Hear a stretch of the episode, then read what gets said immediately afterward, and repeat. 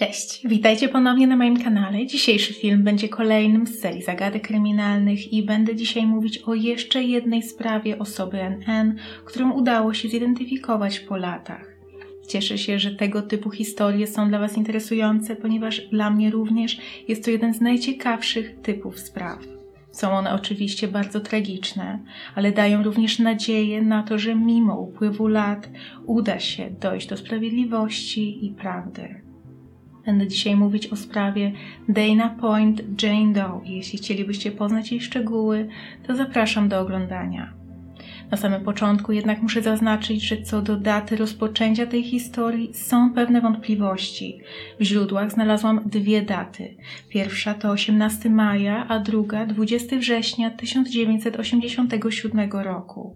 W tym filmie będę posługiwać się tą drugą datą, ponieważ ona pojawia się w znacznie większej liczbie artykułów, ale uznałam, że warto wspomnieć o tej nieścisłości, jeśli będziecie chcieli na własną rękę poszukać informacji na ten temat. Wszystko zaczęło się w mieście Dana Point w Kalifornii w Stanach Zjednoczonych. Miejscowość ta leży na terenie hrabstwa Orange i znajduje się tam bardzo charakterystyczny cypel i klif, który jest często odwiedzany przez turystów miejscem i zachęca niesamowitymi widokami na bezkresny Pacyfik. Według wielu jest to jedno z najpiękniejszych miejsc w Kalifornii, a może nawet na całym zachodnim wybrzeżu. W latach 80. populacja miasta wynosiła około 10 tysięcy osób i było to typowe nadmorskie miejsce, gdzie dni mijały spokojnie i leniwie.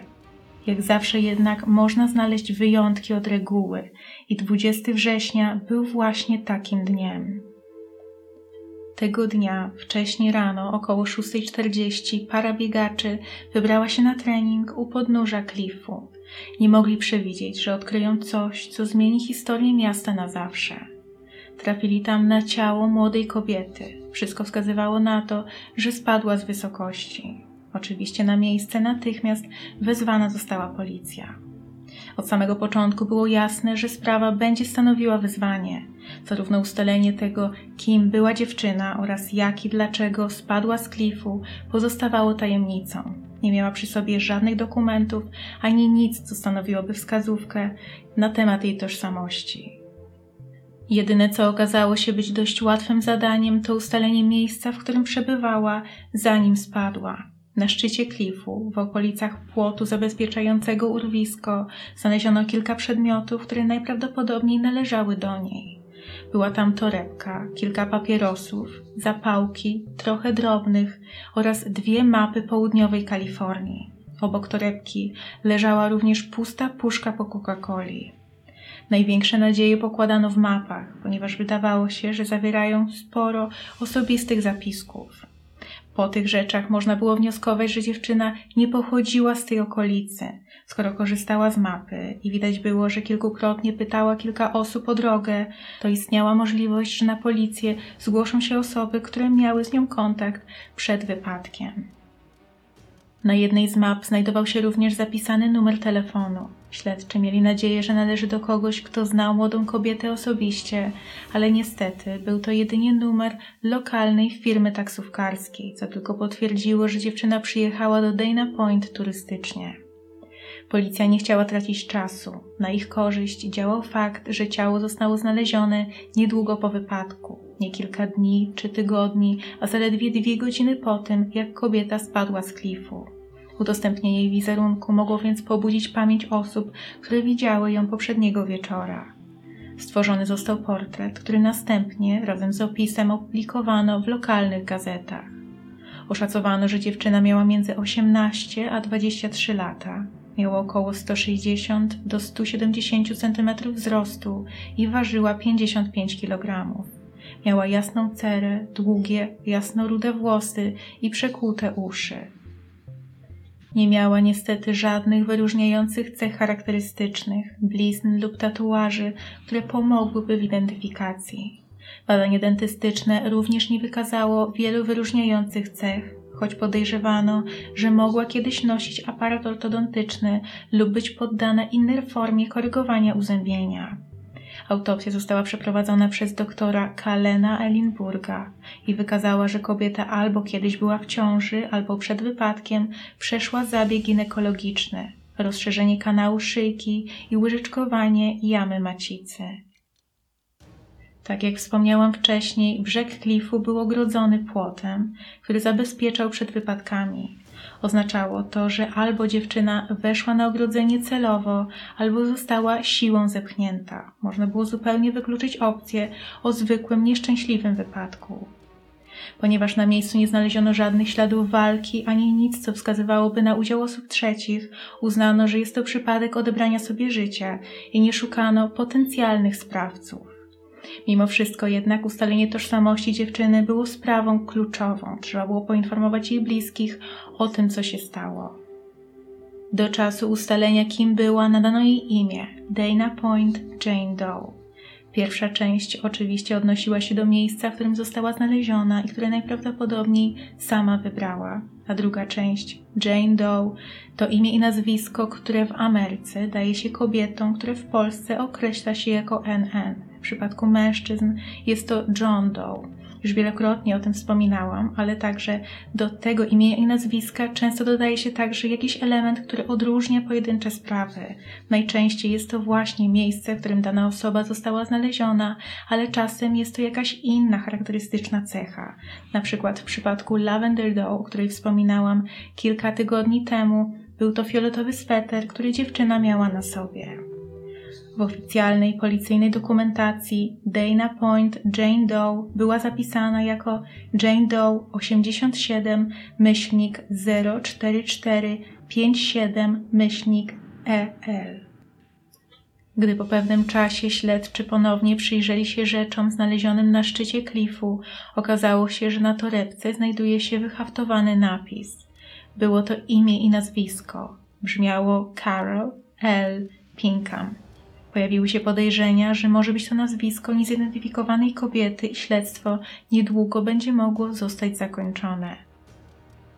Stworzono listę kobiet z tym imieniem mieszkających w Kalifornii, a następnie innych sąsiadujących stanach i rozpoczął się żmudny proces nawiązywania kontaktu z nimi i ich rodzinami w poszukiwaniu tej, która mogłaby dostarczyć informacji na temat tożsamości Dana Point Jane Doe. Dziesiątki prób okazały się bezowocne, ale w końcu trafiono na kobietę, która potwierdziła, że torebka należy do niej.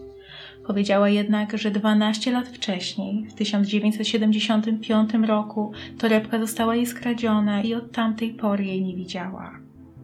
W ciągu kolejnych tygodni po opublikowaniu wizerunku Dana Point Jane Doe na policję zaczęły spływać zgłoszenia osób twierdzących, że widziały dziewczynę w dni poprzedzające 20 września.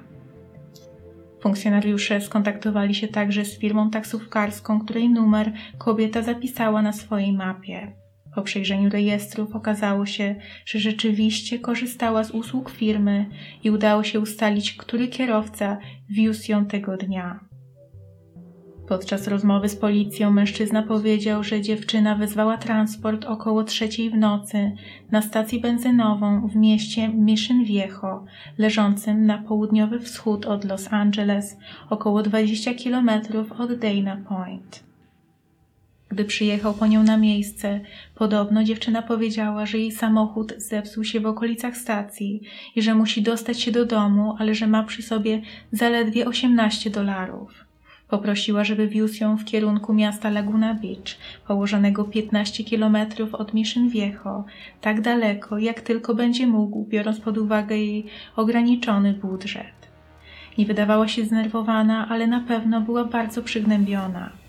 Kierowca nie zaczynał z nią rozmowy, ponieważ widział, że nie będzie ona skora do zwierzeń i uznał, że jej humor jest wynikiem problemów z samochodem i tego, że nie ma jak dostać się do domu.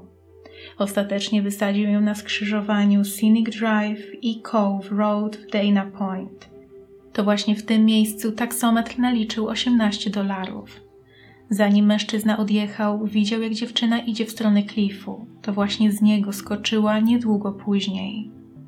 Te zeznania pomogły w ustaleniu tego, w jakim stanie była dziewczyna i że nic nie wskazywało na to, że czuła, żeby była w niebezpieczeństwie albo przed kimś uciekała, co potwierdziło brak udziału osób trzecich. Zeznania jednak nie przybliżyły policji do ustalenia tożsamości. Przez całą drogę pasażerka nie przedstawiła się. Wszystko wskazywało także na to, że dziewczyna okłamała taksówkarza w kwestii tego, co stało się zanim zamówiła transport. W okolicy stacji benzynowej nie znaleziono żadnego porzuconego pojazdu. Teraz nie było także wiadomo, czy dziewczyna od początku wiedziała, że ten wieczór skończy się tak, jak ostatecznie się zakończył. Teraz stało się jasne, że wybór Dana Point był całkowicie przypadkowy, że znalazła się tam tylko dlatego, że skończyły jej się pieniądze. Policja postanowiła przesłuchać pracowników stacji i jeden z kasjerów przyznał, że pamięta, że dziewczyna była na tej stacji jakiś czas tamtego wieczora, skorzystała z toalety i co ciekawe, zapytała go, czy wie, gdzie w okolicy znajdują się jakieś luksusowe hotele.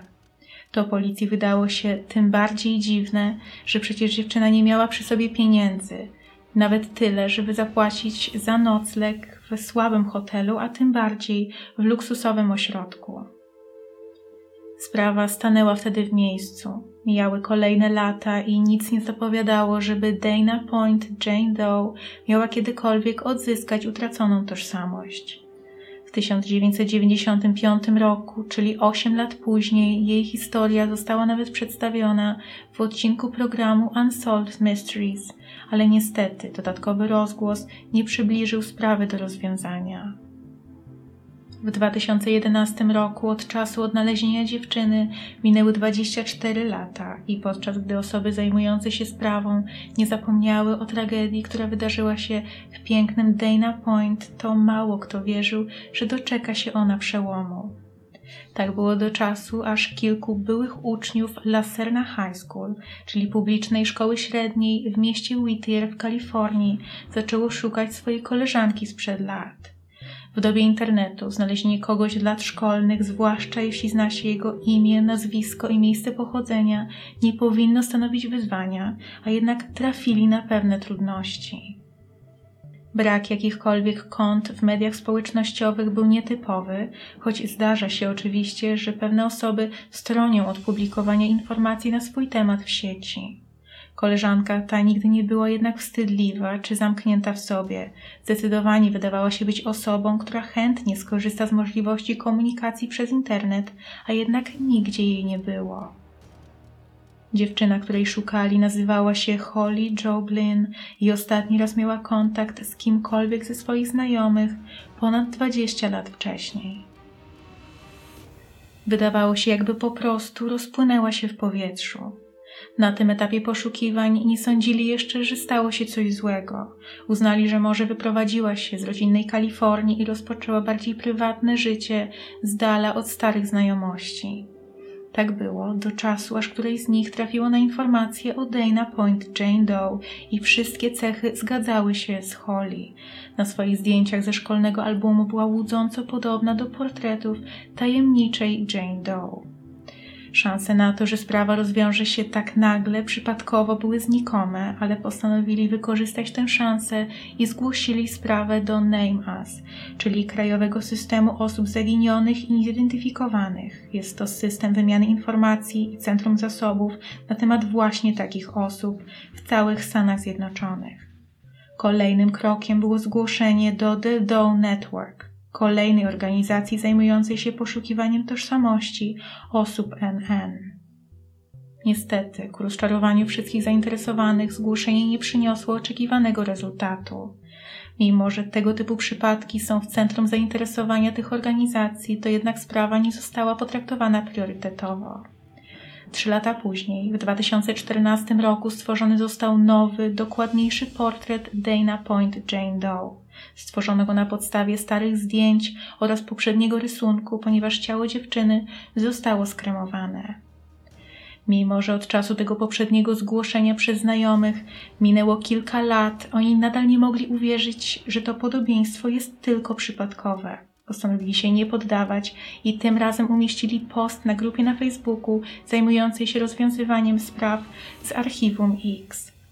Tym razem właśnie ich determinacja sprawiła, że sprawa w końcu zyskała uwagę policji.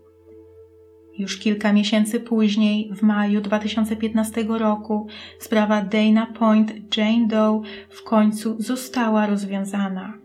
Okazało się, że faktycznie była to Holly Glynn. Dziewczyna odzyskała nazwisko po 28 latach, choć gdyby nie niedbałość ze strony osób zajmujących się przyjmowaniem zgłoszeń w organizacjach NAMAS oraz The Doe Network, prawda mogłaby wyjść na jaw 4 lata wcześniej. W 1987 roku Holly miała 21 lat. Urodziła się 11 września 1966 roku i dorastała w San Diego w Kalifornii z rodzicami Jamesem i Carol Glynn oraz starszą o 4 lata siostrą. Dziewczyna uczęszczała do Laserna High School i przez znajomych była określana jako nieśmiała z początku, ale gdy lepiej się ją poznało, stawała się takim typem przyjaciółki, o jakim każdy marzy. Była pomocna i zawsze chętna, żeby wysłuchać i pocieszyć. Jej pasją była muzyka. Uwielbiała w wolnym czasie słuchać rocka. Jej ulubionym zespołem był Led Zeppelin. Chodziła na koncerty i kolekcjonowała płyty. W jej dzieciństwie oraz nastoletnich latach trudno doszukać się powodu decyzji, jaką podjęła w wieku 21 lat. Jedyne, co mocno przeżyła i co bardzo negatywnie na nią wpłynęło, to rozwód rodziców. Po rozstaniu Carol i James robili wszystko, żeby upewnić się, że córki wiedzą, że nadal bardzo je kochają i że to nie była ich wina. Mimo wszystko, gdy Holly zaczęła wkraczać w dorosłość, można było zauważyć ogromną zmianę w jej zachowaniu.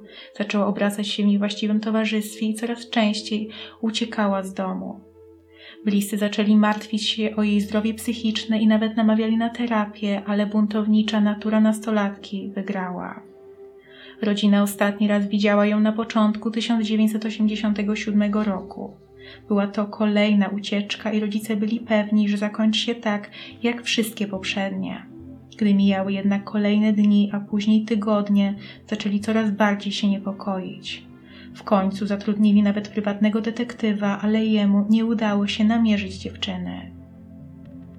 Sprawa nigdy nie została zgłoszona na policję, najprawdopodobniej ze względu na to, że rodzina uznała, że chce uszanować wolę Holly, która przecież była już pełnoletnia i sama mogła zdecydować, czy chce mieszkać w domu, czy nie. Niestety skutkowało to tym, że ona nigdy nie została uznana za osobę zaginioną i gdy na policję trafiła sprawa Dana Point Jane Doe, nie było szans, żeby połączyć fakty. Ten przypadek pokazuje, że nigdy nie możemy być pewni, jakie życie wiodła osoba, która przez lata pozostaje niezidentyfikowana. To może być zwykły przypadek, nie musi to być osoba, która nie miała nikogo bliskiego. Po prostu wieści w gazetach i telewizji nie trafiły w ręce właściwej osoby, a rodzina myśli, że nie szukając, szanuje wolę swojego bliskiego. W ten sposób właśnie sprawy pozostają w archiwum na wiele dekad. Jestem pewna, że Holly nie wiedziała, że pozostanie tak długo osobą niezidentyfikowaną. Z jednej strony może było jej wszystko jedno, ale myślę, że nikt nie sądzi, że może kiedyś stać się po prostu kolejną osobą NN. I to jest już koniec tej sprawy. Jestem bardzo ciekawa, co Wy o tym sądzicie. Na pewno pokazuje ona bardzo poważny problem i jest niesamowicie smutna. Jeśli słyszeliście o innych przypadkach osób NN, które udało się zidentyfikować po latach, to dajcie mi znać w komentarzach. Jak również jeśli macie inny typ spraw, o którym chcielibyście, żebym powiedziała w kolejnych odcinkach z tej serii, to także napiszcie. A teraz bardzo dziękuję Wam za oglądanie i do zobaczenia. Cześć!